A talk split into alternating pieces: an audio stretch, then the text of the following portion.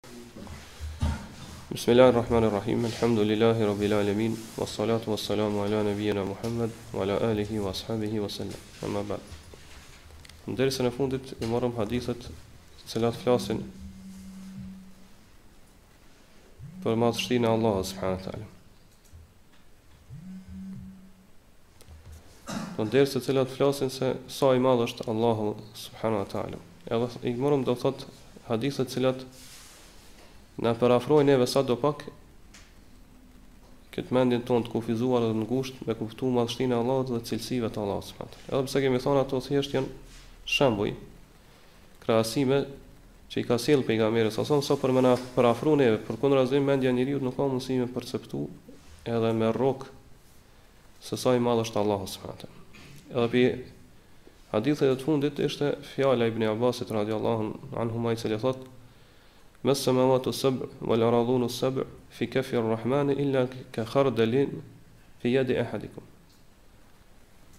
raporti ose madhësia e shtatë qiejve dhe shtatë tokave kur vendosen në shuplakën e Gjithëmëshirshmit është sikurse një kokërr meli pra është një bimë që e ka kokrrën shumë të vogël kur e vendos dikush në dorën e juaj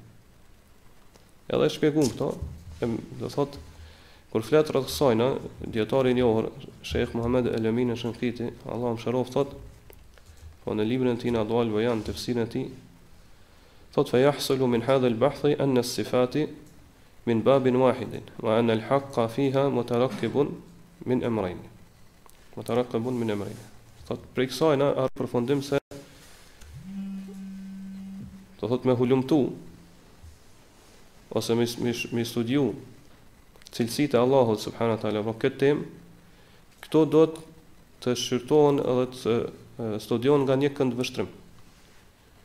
Edhe vërteta rreth cilësive të Allahut subhanahu wa taala është se do thotë ajo është e ndërtuar prej dy gjëra. E para është el awwalu tanzihu Allahi jalla wa ala an mushabahati al khalq.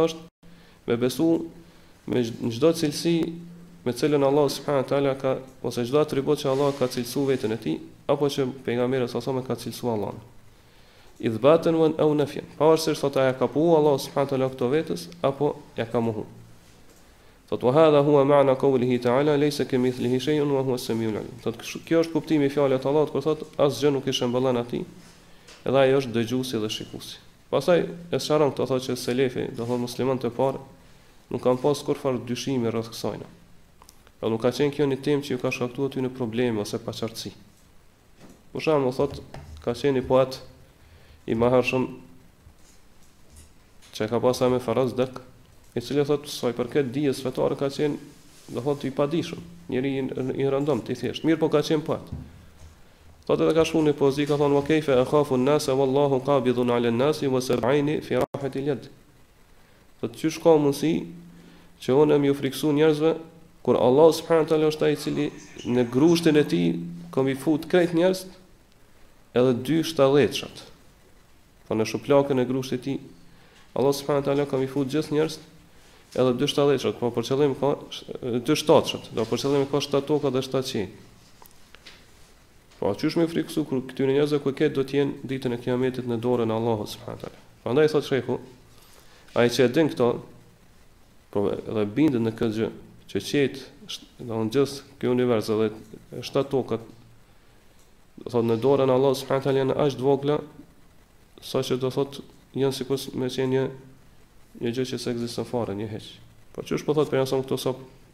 Me na krahasu ose me na përshkru neve, me na përafru sikur një kokërr meli në dorën e dikujt prej njerëzve. Atëherë thotë njeriu kur e kupton këtë e din edhe e kupton edhe madhështinë e Allahut subhanahu teala. Edhe e din që mendja edhe nuk ka mundësi që në mendjen e tina me përngjasu ose me shëmbëllu krijuesin me krijesën ose cilësitë e Allahut me cilësitë e krijesës. Kur e din se Allah subhanahu teala është kaq i madh, kaq i lartë dhe kaq madhështor. Prandaj thotë ai që e beson këto, bindshëm, do thotë i largohen shumë pi probleme, shumë pi paqartësive. Që shumë prej njerëzve të mëvonshëm që kanë ardhur, do thotë kanë hasë në këto probleme ose në këto paqartësi.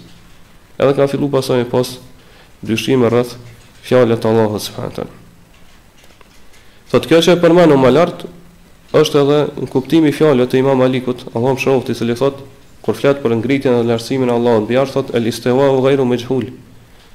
Istiwaja pra ngritja e Allahut subhanahu taala mbi arsh nuk është diçka e panjohur, po dihet ça domethonë që Allah është mbi arsh, pra që Allah Ngrit është lartësu mbi arsh.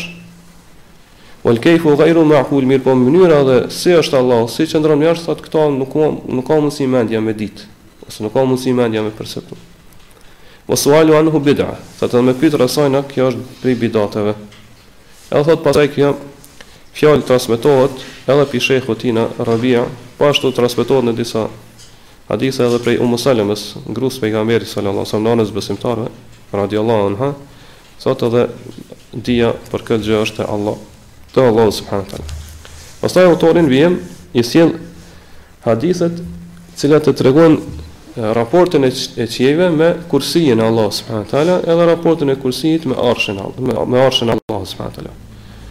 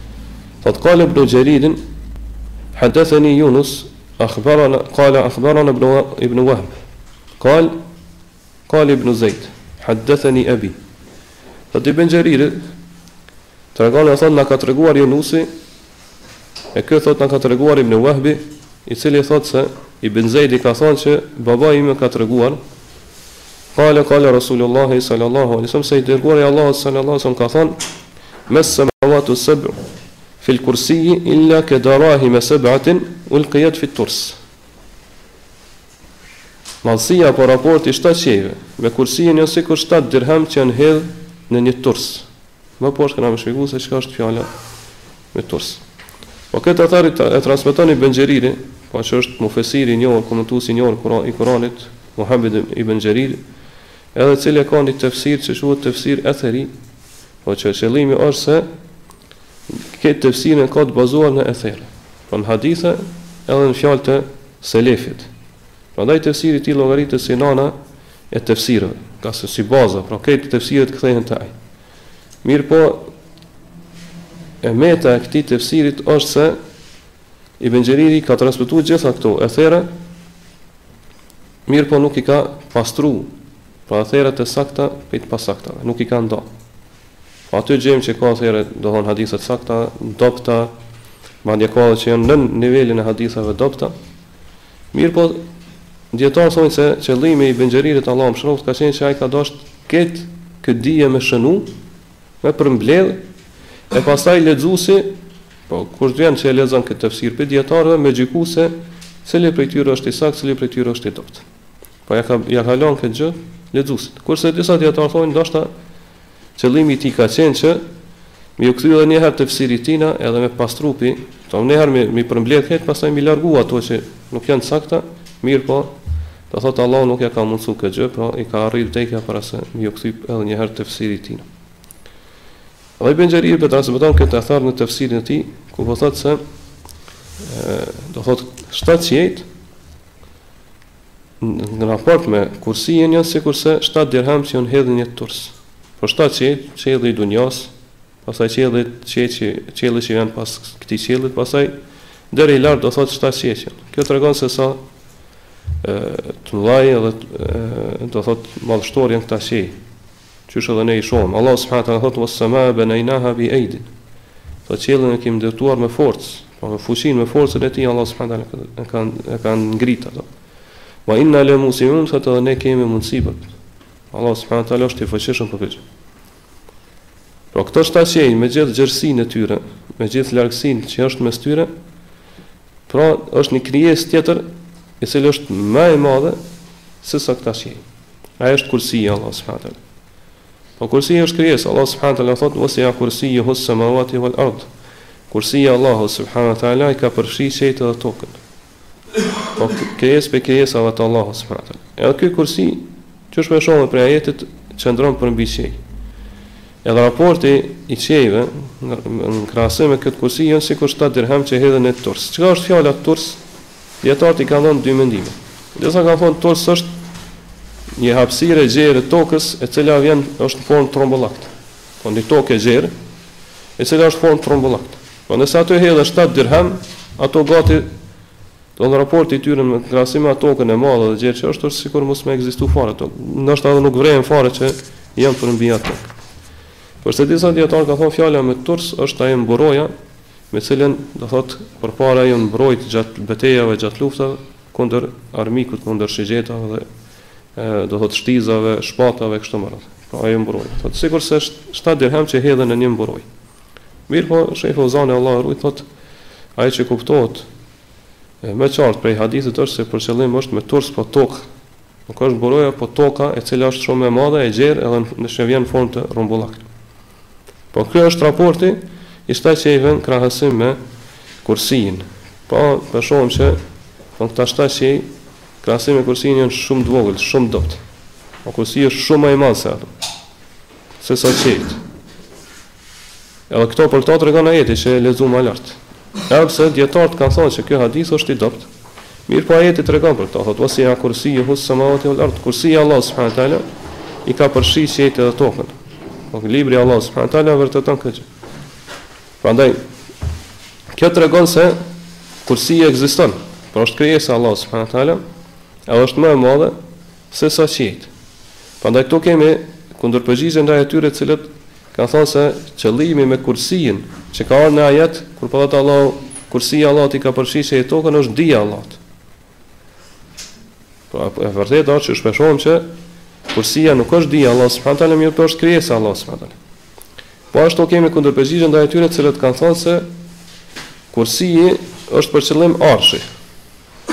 Arshi i Allahut i ka përfshi qiejt e tokën. Mirpo na do të shohim se Arshi vjen përmbi Kursin në hadithin që vjen. Po Kursiu është diçka tjetër, Arshi është diçka tjetër. E çka është Kursiu? Këtë e ka shpjegu Ibn Abasi radiallahu anhu ai cili thotë Kursiu është mawdiul qadamein, vendi i dy këmbëve, po vendi ku i vendos Allahu subhanahu teala këmbët e tina. Po vërtet, do të thotë Kursia është shumë e madhe, siç po e shohim dhe është një krijesë e veçantë.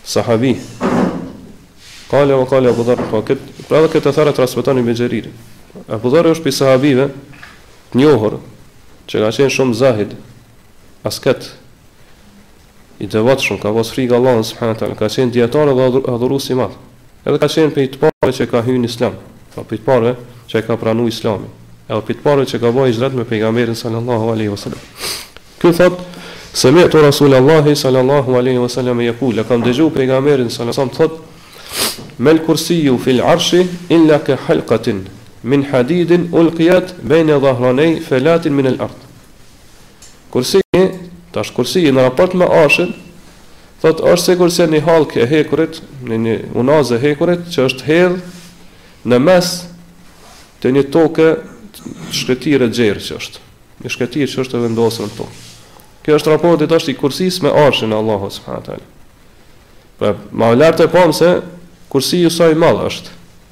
Edhe është krijesë e veçantë, po, që e ka kriju Allahu subhanehu teala. Që është shumë ma i madh se sa qiejt. Mirëpo, tash po shohim që është një krijesë edhe ma e madhe se sa kursi, e është, që është arshi. Po, siç do ta shohim në vijim, është po ajo krijesa mbi të cilën është ngritë dhe lartësu Allahu subhanehu teala. Dhe askush nuk ka mundësi me parafytyru dhe me paramendu se sa i madh është arshi i Allahut. Edhe arshi, siç e dimë, është kulmi, Arshi është kulmi i gjitha krijesave. Arshi është kulmi i gjitha krijesave, pra është pjesa më të lartë edhe është krijesa më e madhe.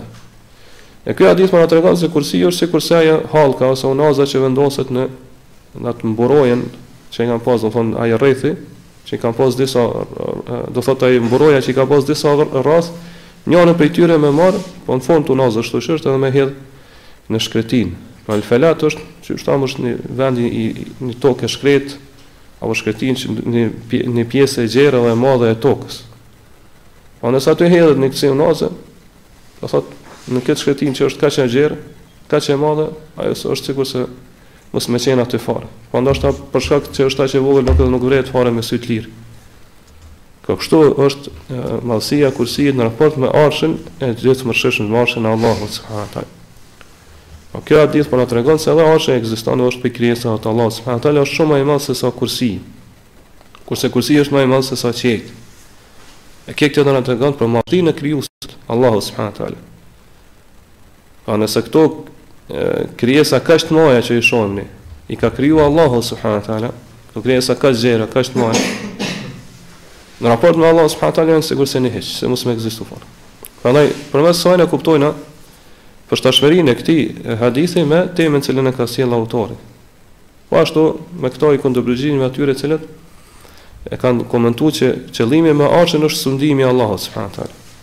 Jo që ka vërtet arsh atje. Edhe këto do kanë dhënë edhe komente tjera të kota dhe të pavërteta. Pastaj vjen autori sjell thotë wa an ibn Mesudin kal, e sjell edhe një ether ibn Mesudit radhiyallahu anhu, i cili na sqaron tash sa është largësia mes qiejve, prej qiellit në qiell, edhe mes qiejve edhe kursit, edhe mes kursit edhe arshit të Allahut subhanahu taala. Çfarë thotë ibn Mesudi? Qala bayna as-sama'i dunya wallati taliha 500 am.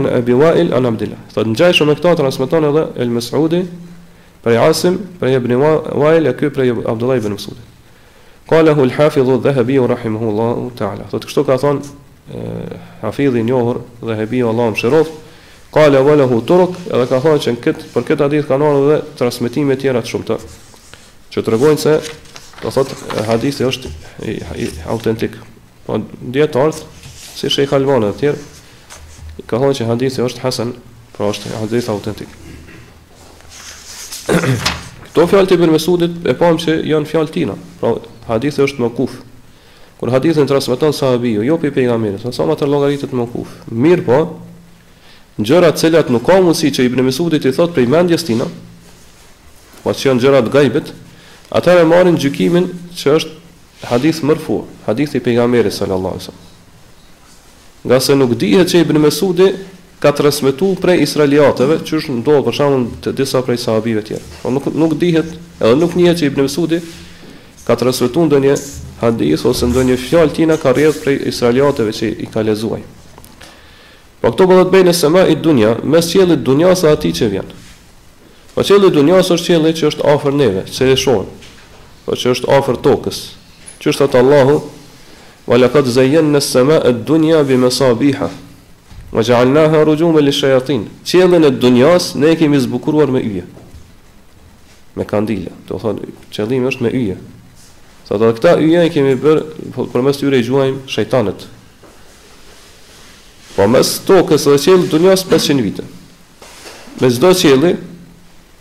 Janë pesëqind vite, edhe qiellit tjetër. Mes qiellit shtatë edhe kursijit pesëqind vite. Mes kursijit edhe ujit pesëqind vite tjera. E kena me pa, domethënë, transmitimin tjetër që edhe gjerësia e çdo qiellit është pesëqind vite. Prandaj, prej kësaj po e kuptojna që nëse distanca mes qiellit dunjas Po nëse them, po kjo kur po thotë mes qiellit dunjas dhe qiellit tjetër që janë 500 vite, pastaj mes çdo qiellit 500 vite, po kuptohet që distanca mes qiellit dunjas edhe ujit është 4000 vite. Kurse në transmetimin tjetër që vjen që thotë edhe largësia ose gjerësia e çdo qielli është 500 vite, atëherë kuptohet që mes qiellit dunjas edhe ujit janë 7500 vite.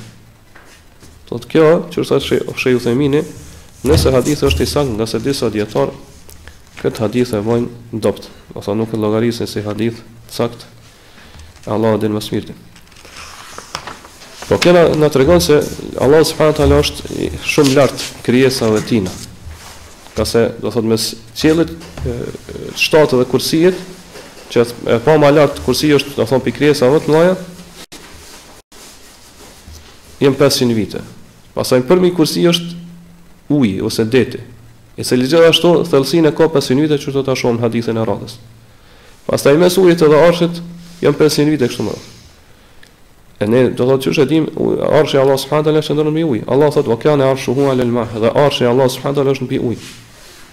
Po ashtu qysh në tokë ka ujë edhe ka deti, po ashtu edhe në qiell është një deti, i cili është nën Arshin e Allahut subhanahu wa taala dhe është deti shumë i thellë, pra sa pesëqind vite. Kjo tregon, do thotë, që Arshi është pi krijesa, krijesave më të mëdha, edhe është më i madh se sa ky uji, mbi cilin qëndron Arshi, po ashtu është më i madh se sa krijesë, se sa kursi, edhe se sa qiejt edhe çdo krijesë tjetër. Po për për këtë arsye, për shkak se arshi është shumë i madh, është shumë i gjerë, don krijesa më e madhe, më madhështore, Allahu shpesh arshin i atribuon vetes.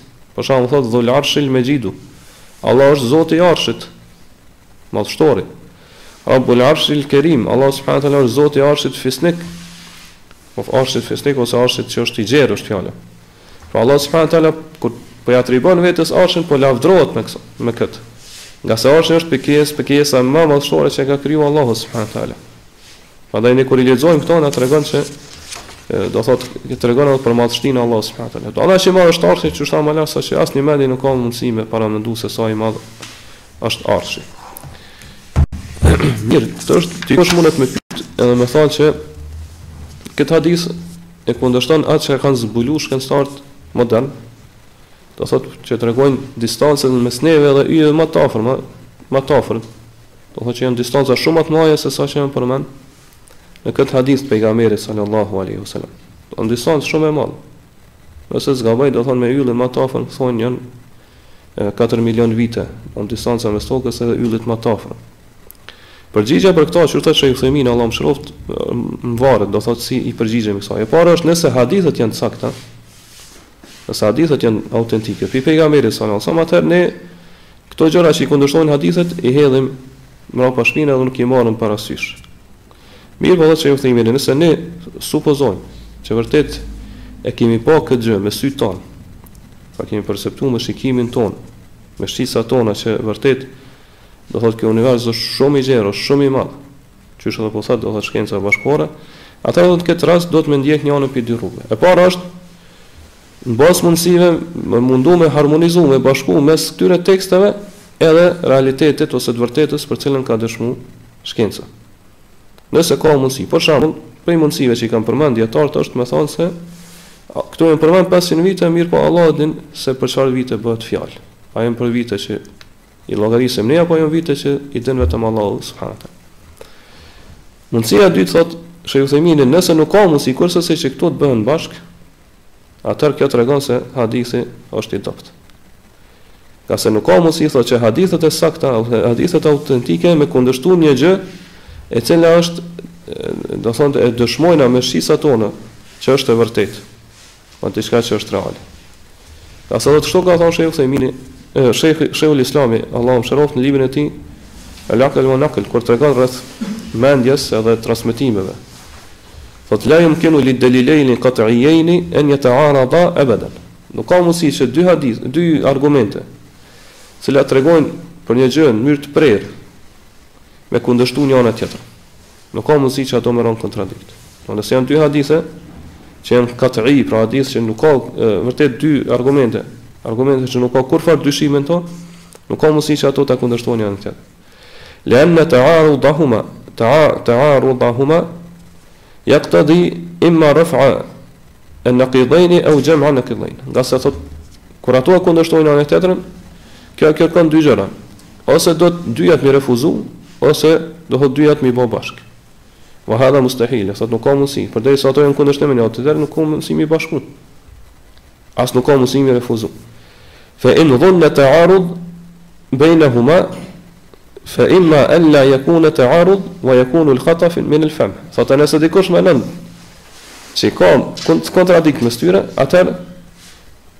Kjo pastaj janë dy mundësi, ose në realitet nuk ka kundërshtim mes tyre, mirëpo gabimi është te mendimi i njeriut, pra ai mendon që ka kontradik, kundërshtim mes tyre, a në realitet nuk ka kontradik mes tyre.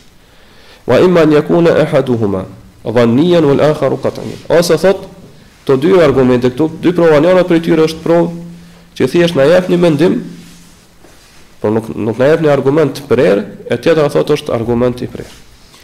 Prandaj Sheikh Uthaymin Allahu e mëshiroft vazhdon dhe çfarë thotë.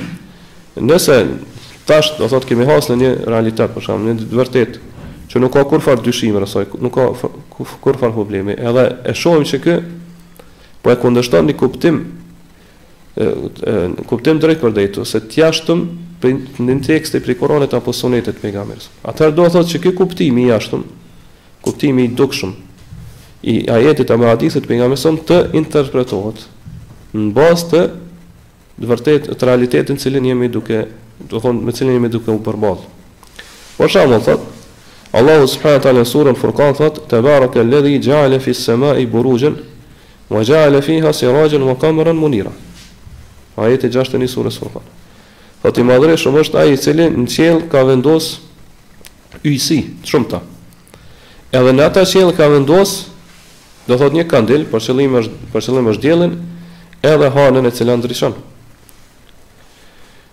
Edhe gjithashtu në surën Nuh, në ajetin 16, "Wa ja'al al-qamara fihin fihinna nuran." Allahu në këta qiell Në këta qiej e ka vendos në hanën e cila është nur, dritë. Shejh Uthejmini thot, ky ajeti i dytë na shkakton problem ma shumë sesa ajeti i parë.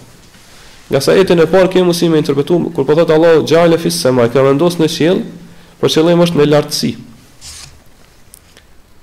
Do thonë, për qëllim është në lartësi. Mirëpo thotë, kjo e dyta na shkakton problem më shumë, se Allah po thotë, në fihinne, në këta qiej, po pa kurrfarë dyshimi, Allah ka thonë që në këta qiej, ne veç në qiej e ka vendosë hanën. Kurse thotë, tash është vërtetu që hana, do thotë, uh, udhëton mes, do thotë, në orbitën mes qiellit dhe tokës, po nuk është në qiell. Përgjigja për këto, po thotë, shejh Uthejmini është se, nëse, nëse, Kurani tregon që hana është e vendosur në qiell ashtu që është e vendosur për shembull gozhda në në një dru. Po edhe për këto thotë tregon delale kat'ie, pra një, na jep një argument të prerë. Atëherë këta kur thonë që ne kemi arrit në hanë dhe kemi shku me kemi arrit me shku në hanë, thotë atyre veç ju duket që kanë arrit me shku në hanë, kurse në realitet nuk kanë arrit me shku në hanë. Pra kanë arrit me shku në një trup tjetër. Mirëpo thotë e vërteta është se Kurani nuk e tregon këto në mënyrë të qartë, në mënyrë të prerë. Që hana është e vendosur në qiell. Por nuk është argumentimi ose argumentimi me me këto ajete që i lexuam më lart i prerë që hana është e vendosur në qiell, ashtu siç thamë, që është e vendosur gozhda në dru. Për shembull, qysh e thamë lart ajeti që në surën Furqan kur thotë tabaraka alladhi ja'ala fi samai burujan wa ja'ala fiha sirajan wa qamaran munira. Pastaj në këtë qiell e ka vendos një hënën e cila është ndriçon, ata për qëllim me sema në gjuhën arabe fjala sema përveç që përdoret për qiell, përdoret edhe për lartësi.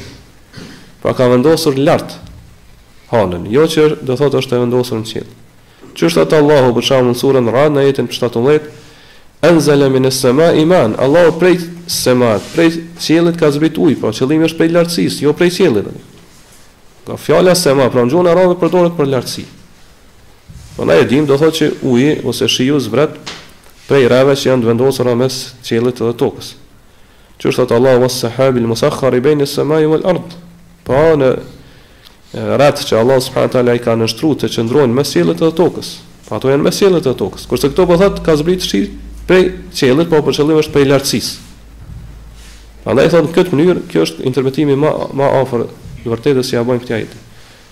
Thotë mirë pa po ajeti tjetër që po thotë waja'al al-qamara fihinna nuran. Allahu në këtë qiell ka vendos hanën si ndriçim, si dritë. Kjo mund të na shkaktojë probleme shumë, mirëpo edhe këto mundemi me interpretu, me thonë fi hinna fi jihati hinna. Allahu ka vendos hanën në qiell, pra në drejtim qiell. E drejtimi qiell është lartësia. Jo që do thonë hana është e vendosur në qiell që është më lart. Do thotë këtë, mirëpo mundemi me bashku mes ajeteve apo interpretimit të ajeteve dhe realitetit apo të vërtetës me të cilën ne jemi ballafaqur. Pastaj thot, vazhdon hadithi thot, "Wallahu fawqa al-arsh", Allah është mbi arsh.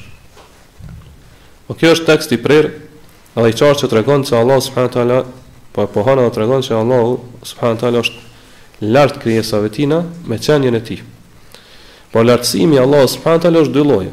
Po është lartësim i cilësive të Allahut subhanahu teala. E këtë lartësim të Allahut nuk e ka mohu askush prej grupeve apo sekteve që i atribuohen Islamit. Por qëllimi është se Allahu është i lartësuar, po është i përsosur në cilësitë e tina. Qysh thotë Allahu, Sura An-Nahl, ajetin gjashtëdhjetë, Lil-ledhine la ju'minune bil-akhirati methelu s-sau. Ata të cilët nuk e besojnë botën tjetër, për ta është shembulli më i keq. Wa lillahi l-methelu l-a'la. Kurse Allahut i takon shembulli më i lartë.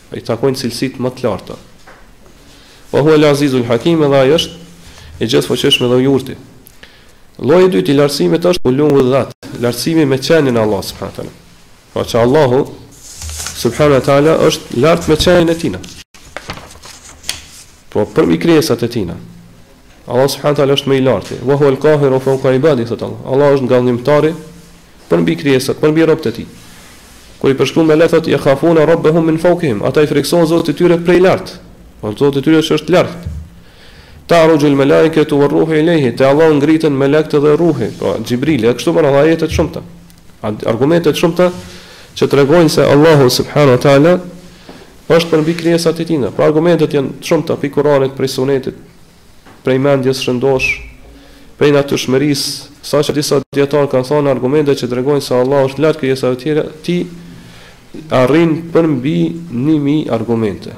E për këto inshallah se disa prej këtyre argumenteve do t'i lexojmë në dersin e ardhshëm. Dijetari i njohur Dhehebiu që e përmendëm më lart, Allahu e mëshiroftë, e ka shkruar një libër të veçantë që flet për lartësinë e Allahut subhanahu teala. Po që Allah është i lartësuar. E thotë el ulu lil ali el ghaffar. Lartësimi, po për atë i cili është i lartë edhe i falës i madh. Edhe është i botuar edhe ky libër. Aty ka përmend argumente të shumta që tregojnë, edhe ka treguar se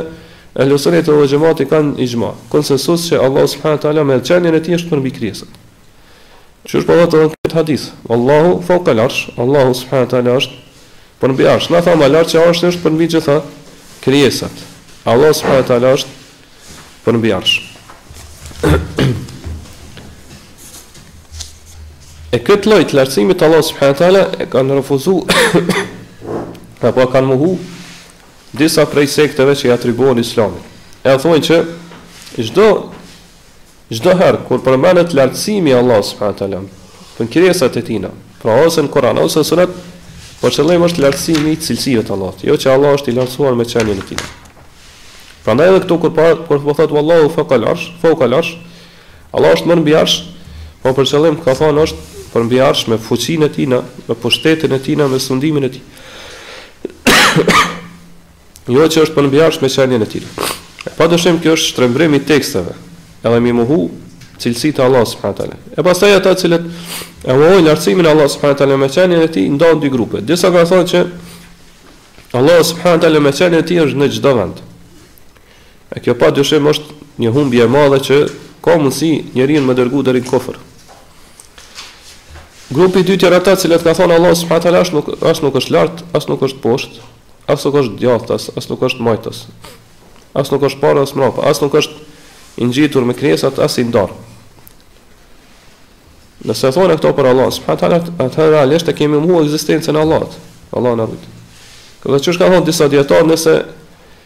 I thua dikujt na përshkruaj mos ekzistencën, ata nuk kish pas mënyrë më të mirë, më të përkryer me përshku inekzistencën e një gjëje se sa kjo.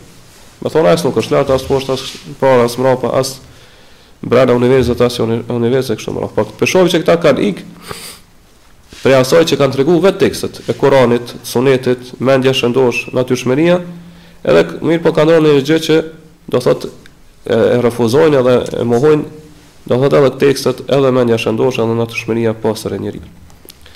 Pastaj në fund po thotë la yakhfa alayhi shay'un min a'malikum. Me gjithë që Allah subhanahu wa taala është përmbi arsh, asgjë prej veprave tuaja nuk i fshihet atina. Po veprat këto që po përmenden përfshihen veprat e zemrës edhe veprat e gjymtyrëve. Ato që shihen e ato që dëgjohen. Kjo tregon që dija e Allahut subhanahu teala është e gjerë edhe gjithëpërfshirëse.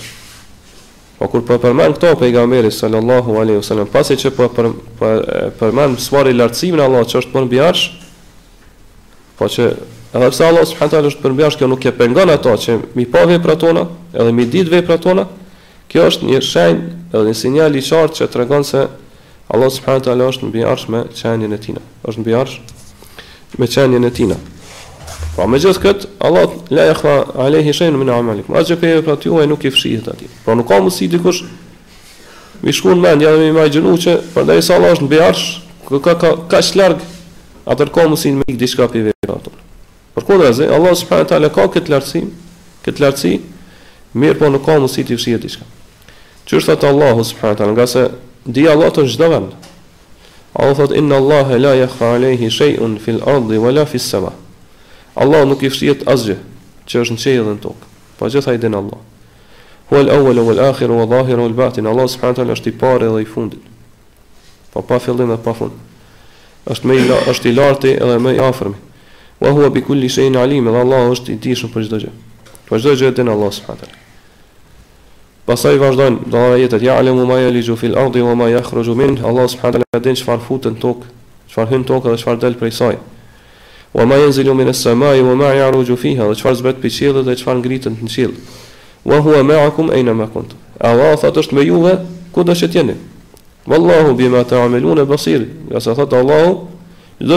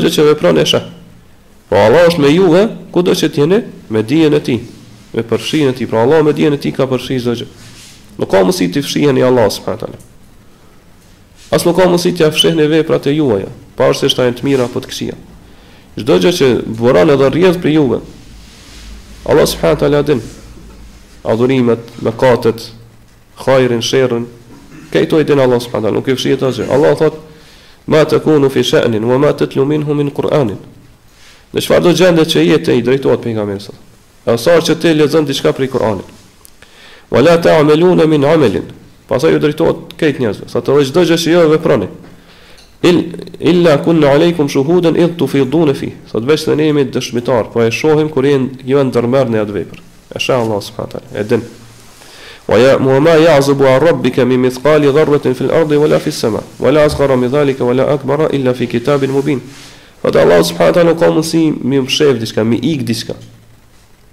Edhe qoftë thotë sa një grimcë e vogël që është. Qoftë ai në tokë apo në qiell. Madje thotë edhe më e vogël se sa kjo grimca. Apo më e madhe. Madje thotë Allahu subhana teala këto këto janë shkruar në libër të qartë. Po përveç që i din Allahu subhana teala i ka shënu. Para se m'i kriju qiejt dhe tokën, ka shënu, i ka shënu gjitha këto.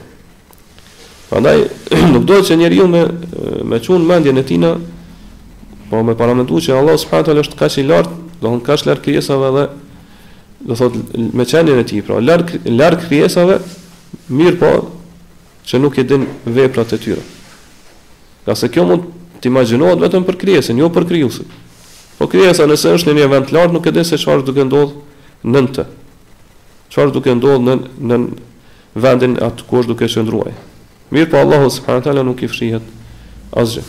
Andaj këto krijesa megjithë që kanë madhështinë e tyre, megjithë që janë kaq të gjera, kaq të mëdha, për shkakun që sa i përket Allahut subhanahu wa taala ato janë sikur një hiç. Po Allahu subhanahu wa taala i, i ka përfshirë gjithë ato. I din edhe i sheh. Edhe çdo çdo gjë që që ne flasim. Allahu subhanahu wa taala e sheh çdo gjë që ndodh e që ne, që ne veprojmë. Po Allahu subhanahu wa taala është i dijshëm për çdo gjë. Madje çështja është edhe më lart, nuk ka mundësi me ndodh diçka veç se Allahu subhanahu wa taala ka caktuar më herët. Po me dijen e tij. E ka caktuar me kaderin, kaderin e tij dhe ka urdhëruar me ndodh. Prandaj këtë hadith po për po po bën bashkë mes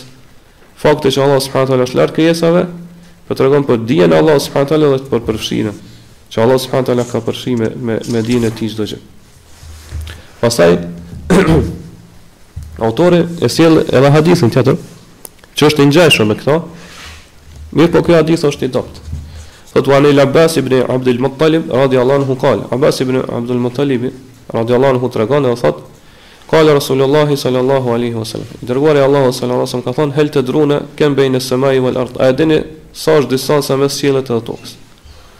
Pra shpesh pejgamberi sallallahu alejhi wa sallam e ka përdor këtë metodë. Pra mësimin e ka fillu me pyetje.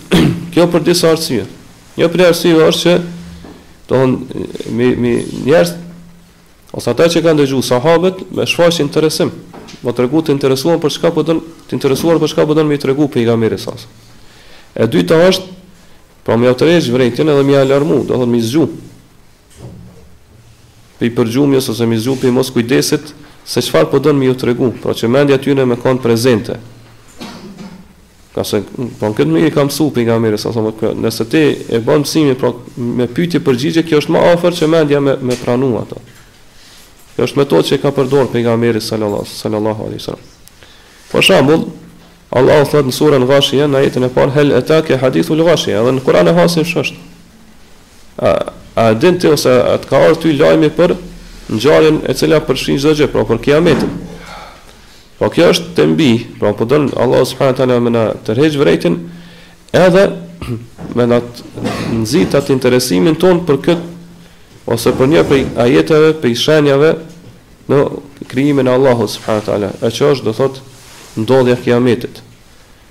Në surën Saf, në ajetin 10 thot hel adullukum ala tijaratin tunjikum min azabin alim. A doni t'ju tregoj për një tregti e cila ju shpëton prej një dënimi të dhimbshëm? Po këtu edhe kemi, pra Allah subhanahu wa taala po don me na me me këtë pyetje, po kur lexon besimtari këtë pyetje që vjen prej Allah subhanahu wa taala, zgjohet prej pakujdesisë të tina.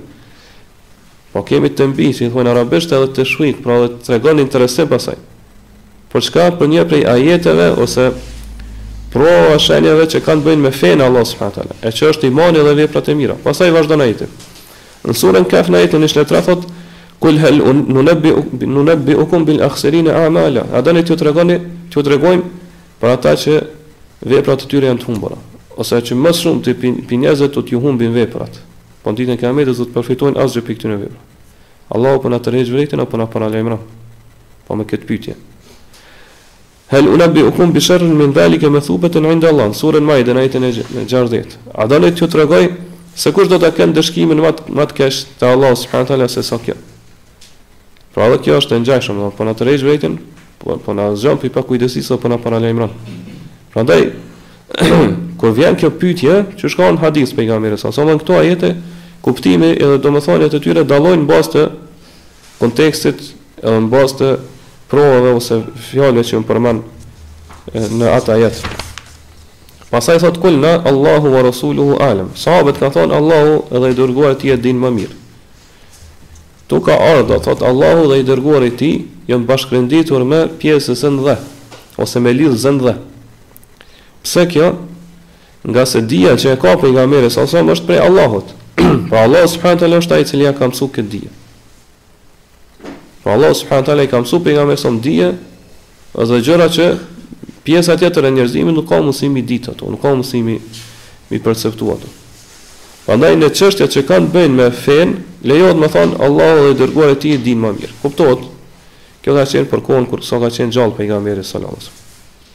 Ngase krijesa që më shumti ka ditë për Allahun subhanahu wa taala dhe për fenë e tij, është pejgamberi sallallahu alaihi wasallam.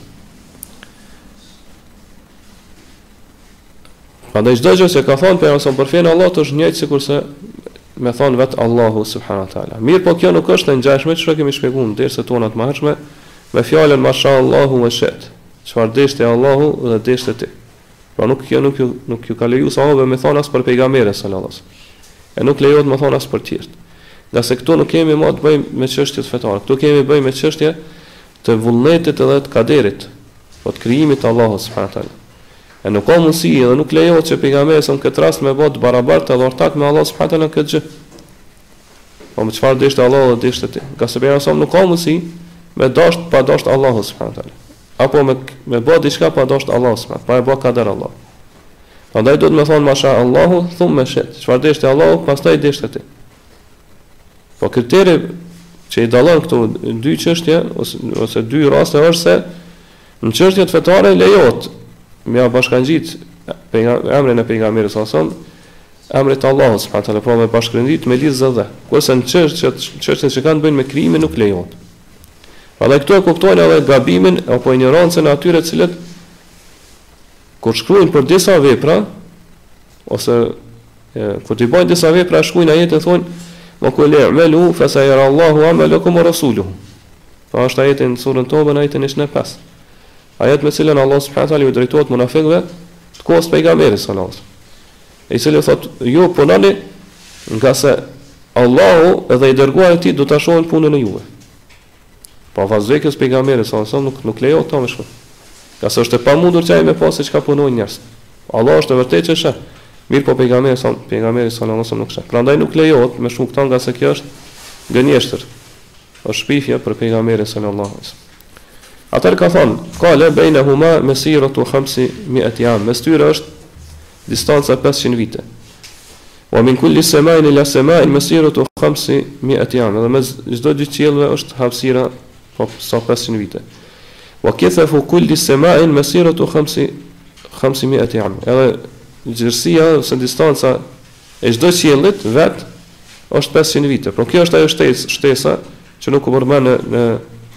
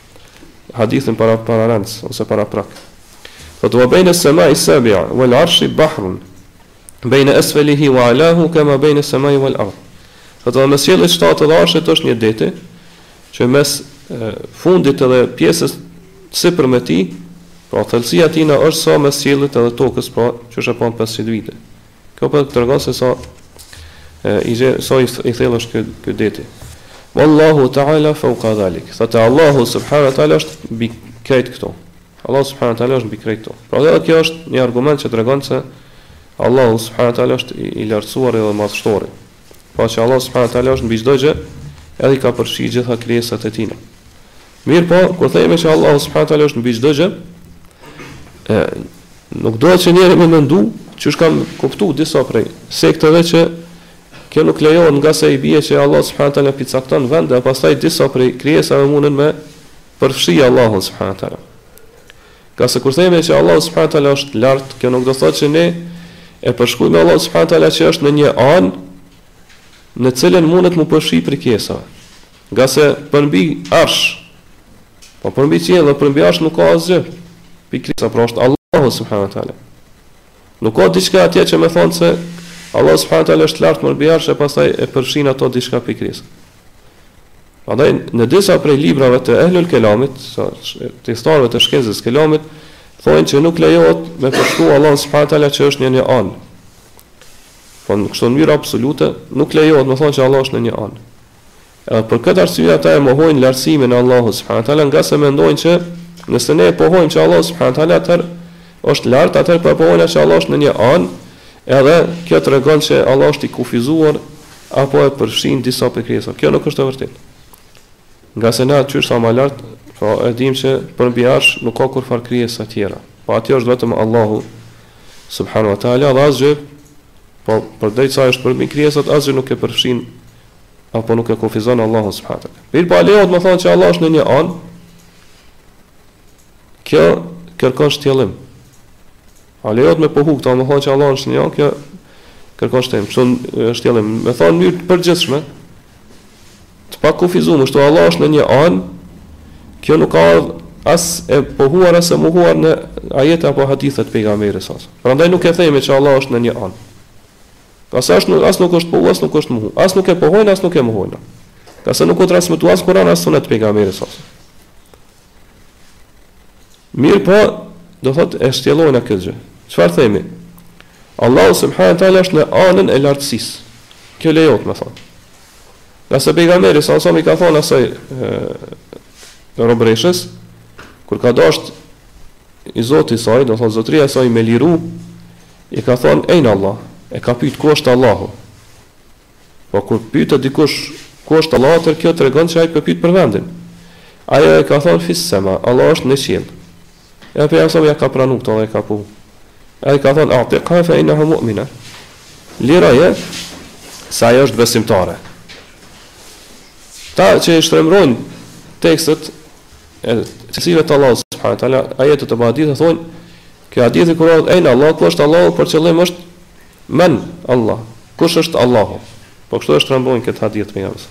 Edhe ajo ka thënë fis sema, do thotë që Allahu është ai i cili është në qiell. Pra në këtë mënyrë po ata e mohojnë lartësimin e Allahut subhanallahu. Ibn al-Qayyim Allahu mëshiroftë kundërpërgjigjet në librat e tina, prej tyre është libri Nunie, e cila thotë se në gjuhën arabe kurrë nuk është Nuk është përmend asnjë gjuhëtar i gjuhës arabe që fjala ejne ka kuptimin men. Pra fjala ku e ka kuptimin kush. Do nuk u përmend kjo kurrë në gjuhën arabe. Madje thot aty, do të sqarohet e shpjegohet se ka dallim të qartë mes këtyre dy pjesëzave. Prandaj Allahu subhanahu wa taala nuk është në anën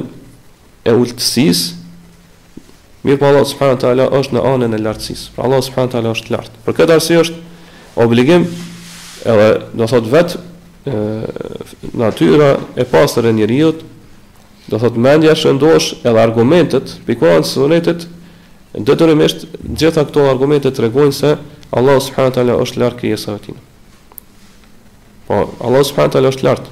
Mirëpo nuk është në një anë që diçka prej krijesave mundet me kufizu apo mundet me përfshi Allahun subhanahu teala ngase qysh thamë, kursia Allahut është që i përfshin qiejt e tokën.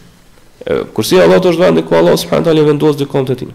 Atëherë qysh ka mundësi të paramendohet ose të parafytyrohet që diçka prej krijesave mundet me përfshi apo me kufizu Allahun subhanahu teala.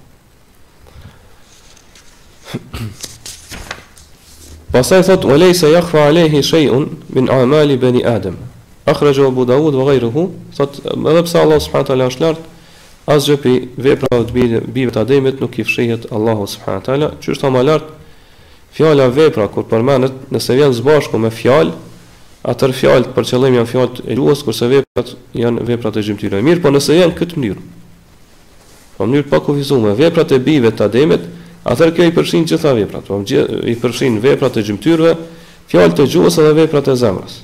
Ngase këtu ka ardhur, pra në njëjës. Prandaj i përfshin gjitha këto. I përfshin gjitha këto. Pra asgjë nuk i fshihet Allahut subhanahu wa taala, pavarësisht a është lart në qiell apo poshtë në tokë. Çdo gjë e din Allahu subhanahu wa taala dhe veprat e bijve të Ademit. Pavarësisht se ata që janë të shpërndarë nëpër tokë, nëpër vende të ndryshme, veprojnë gjëra të ndryshme, gjitha këto i din Allahu subhanahu teala, çdo gjë që veprojnë ata, çdo gjë që thonë ata. Allahu thotë, Sawa'un minkum men asarra al-qawla, wa men jahara bihi, wa men huwa mustakhfin bil-lejli, wa saribun bin-nahar. Njëjtë është thotë për Allahun subhanahu teala. Nëse dikush prej juve e thot haptas fjalën e tina, apo e fsheh atë,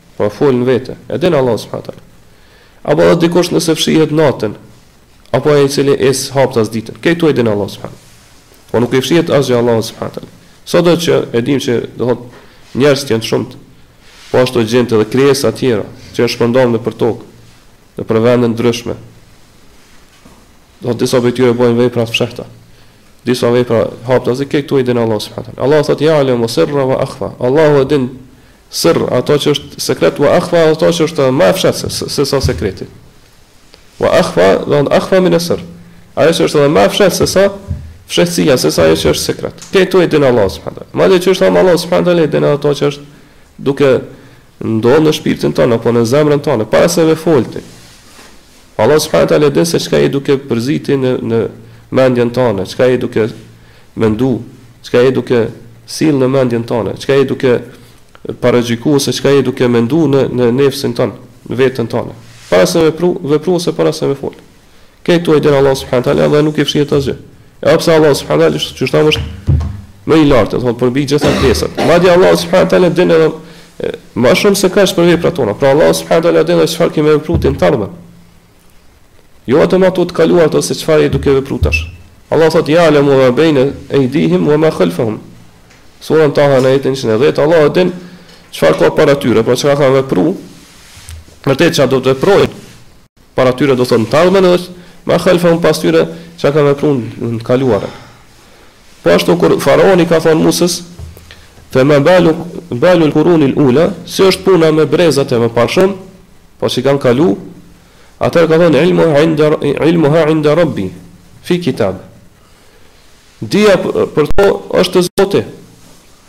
Te Zoti im, madje është e shënuar në një libër, po atje janë të ruajtur.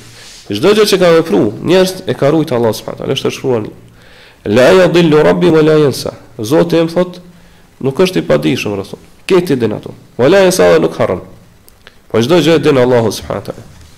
Prandaj pejgamberi sallallahu alaihi wasallam kur pe sjell këtë hadith me pyetjen a e, a e dini që tha është për me zgjuar interesimin te sahabët Se çfarë po don me ju tregu pejgamberi salallahu alejhi ve selem qëllimi ka qenë pra për me forcu edhe me vendos mi vendos bazat e kësaj akide këtij besimi kaq madhështor pra me ditë që Allahu subhana teala është mbi gjitha këto krijesa me qenien e tina edhe me gjithë këtë ai ketë ato i ka përfshi me dijen e tina edhe asgjë nuk i fshihet pi veprave të njerëzve Pra nëse ne e dimë këto, edhe do thotë e shtojmë bindjen tonë, sa më shumë që e dimë, sa më shumë na shtohet bindja, atëherë kjo detyrimisht na na obligon ose na shtyn neve që me madhru Allahun subhanahu teala, me respektu Allahun subhanahu teala, me pas kujdes mos mi bë mëkat Allahun subhanahu teala. Ngase Allah është përmbi ne, është lart neve, Edhe na ka na ka përfshi neve me dijen tij dhe dhe çdo gjë që veprojmë. Prandaj në këtë hadith po pohohen dy cilësi të Allahut subhanahu wa taala. Një është thubutie, pra kemi kemi shpjeguar gjatë shpjegim komentimit të akidës vasitie që cilësitë thubutie janë cilësi pohore, që pohohen për Allahun subhanahu wa taala. Ose i ka pohuar Allahu ose pejgamberi sa për të. E këto pra është që Allah po thot Wallahu fawqa dhalik. Allah pejgamberi po thot Wallahu fawqa dhalik. Allah është përmbi këto. Mirëpo, përfitohet edhe një cilësi ose atribut që është selbie. Selbie negative ose mohore që Allah e mohon prej vetes tina. Thot lejse yakhfa alayhi shay'un min a'mali bani adam. Allahut nuk i fshihet asgjë prej veprave të birit të Ademit. Po kur të themi që janë cilësi mohore për Allahun subhanahu wa taala, duhet të kuptohet që ato nuk janë cilësi mohore, do të thotë me mohim të pastër. Mirëpo çdo cilësi mohore në realitet e përfshin të kundërtën e saj prej cilësisë e cila tregon përsosuri për Allahun subhanahu wa taala. Prandaj ne për shembull, kur Allah subhanahu wa taala e mohon për veten e tina paaftësinë, Kjo tregon për fuqinë e Tij të përsosur, të përkryer. Po pse Allahu mohon paaftësinë prej Tij?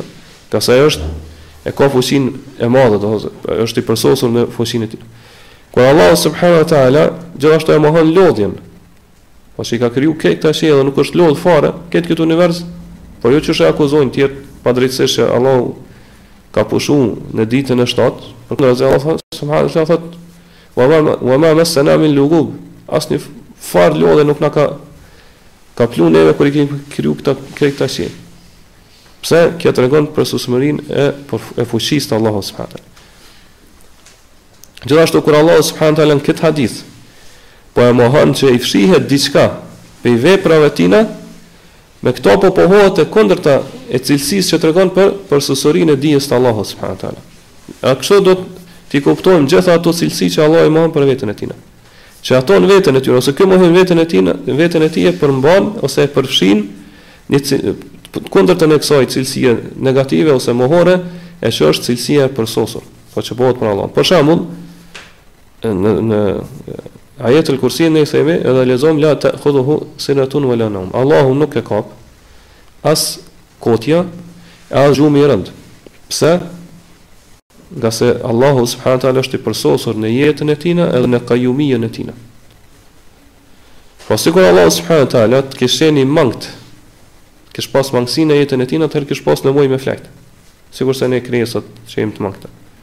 E sikur të kish flajt Allahu subhanahu wa taala atëherë nuk ish kon kajum, pra nuk nuk ish kon kajum që i mban krijesat e tina. Ngase momenti kur ai flen, atëherë s'kish pas dikush kush kujdeset edhe i mban këto krijesa apo këtë këtë univers. Prandaj për arsye se Allah subhanahu wa taala është i përkryer, i përsosur në jetën e tina, edhe në kajumin e tina, pra që i mban krijesat e tij, atëherë as nuk flen, as nuk e kap kotja, Po gjumi i lehtë e as gjumi i rëndë. Prandaj për këtë arsye dhe banorët e xhenetit nuk nuk flenë kurrë në xhenet. Ngase jeta e tyre është e plotë, e përkryer. Ngase nëse kishin flajt banorët e xhenetit, atëherë gjatë gjumit, atyre ju kish hup një kohë Shumë e vlefshme, për shembull, me të cilën do të kënaqeshin, do të gëzoheshin edhe do t'i shijonin kënaqësitë dhe të mirat e xhenetit. Për këtë arsye nuk flenë ata, ata gjithmonë janë në një kënaqësi dhe lumturi të përhershme, të vazhdueshme. Kurrë nuk flenë n'xhenet. Ngase gjithmonë janë duke i shijuar, duke i përjetuar kënaqësitë e xhenetit. Sikur të kishin flajt atë pa shkuar sa flenë ju kish hup kjo mundësi me shiju këto të mira. Mirëpo jeta e tyre është e përkryer. Prandaj ne dimë gjithashtu që edhe vdekja është vllau gjumi është vllau i vdekjes ose është gjumi është vdekja e vogël e në xhenet nuk ka vdekje prandaj kurrë nuk duhet mendohet që në cilësitë Allah subhanahu taala ka mohim të pastër ngase mohimi i pastër do që Allah hiç nuk e ka për shkak kur të mohohet që Allah hiç nuk e ka këtë cilësi kështu në mënyrë të pastër atëherë kjo nuk ka kurrfarë nuk tregon kurrfarë lavdërimi ose madhërimi për Allah subhanahu nuk tregon kurrfarë përsosurie për Allah subhanahu Madje, do të thotë mohimi i një gjëje kështu përgjithësisht është tregon për hiç, për inekzistencë. E nganjëherë me mohu një, një cilësi në këtë mënyrë, atëherë mohohet për shkak se e tregon paaftësinë ose pamundësinë e asoj gjëje për me vepru atë, për me pas atë cilësi. Për shembull, është një shembull që përdoret thotë që muret nuk i bëjnë padrejtësi askujt. Pse? Nga se muret nuk e kanë këtë mundësi mi bë padrejtësi kurrkujt. Pra në kjo kur po mohohet për, për murin, do thotë tregon që ai nuk është i aftë me vepru këtë gjë. Pra në çdo cilësi që mohohet për Allahun subhanehu teala, nuk do të kuptohet që është, do thotë, një mohim i pastër. Mirëpo është një mohim i cili në veten e saj e përmban ose e përfshin një cilësi që është e kundërta e asaj që tregon për përsosurinë e Allahut subhanahu teala dhe që Allah është absolut edhe i përkryer në në atë cilësi. Pastaj ka mbet, do thot me fol ende në këtë temë përtej në çfarë thamë gjatë dersit është me fol rreth argumenteve që tregojnë për lartësimin e Allahut subhanahu teala fjalët e selefit që e kanë pohu këtë gjë, edhe që ashtu do thot me përmbyll këtë temë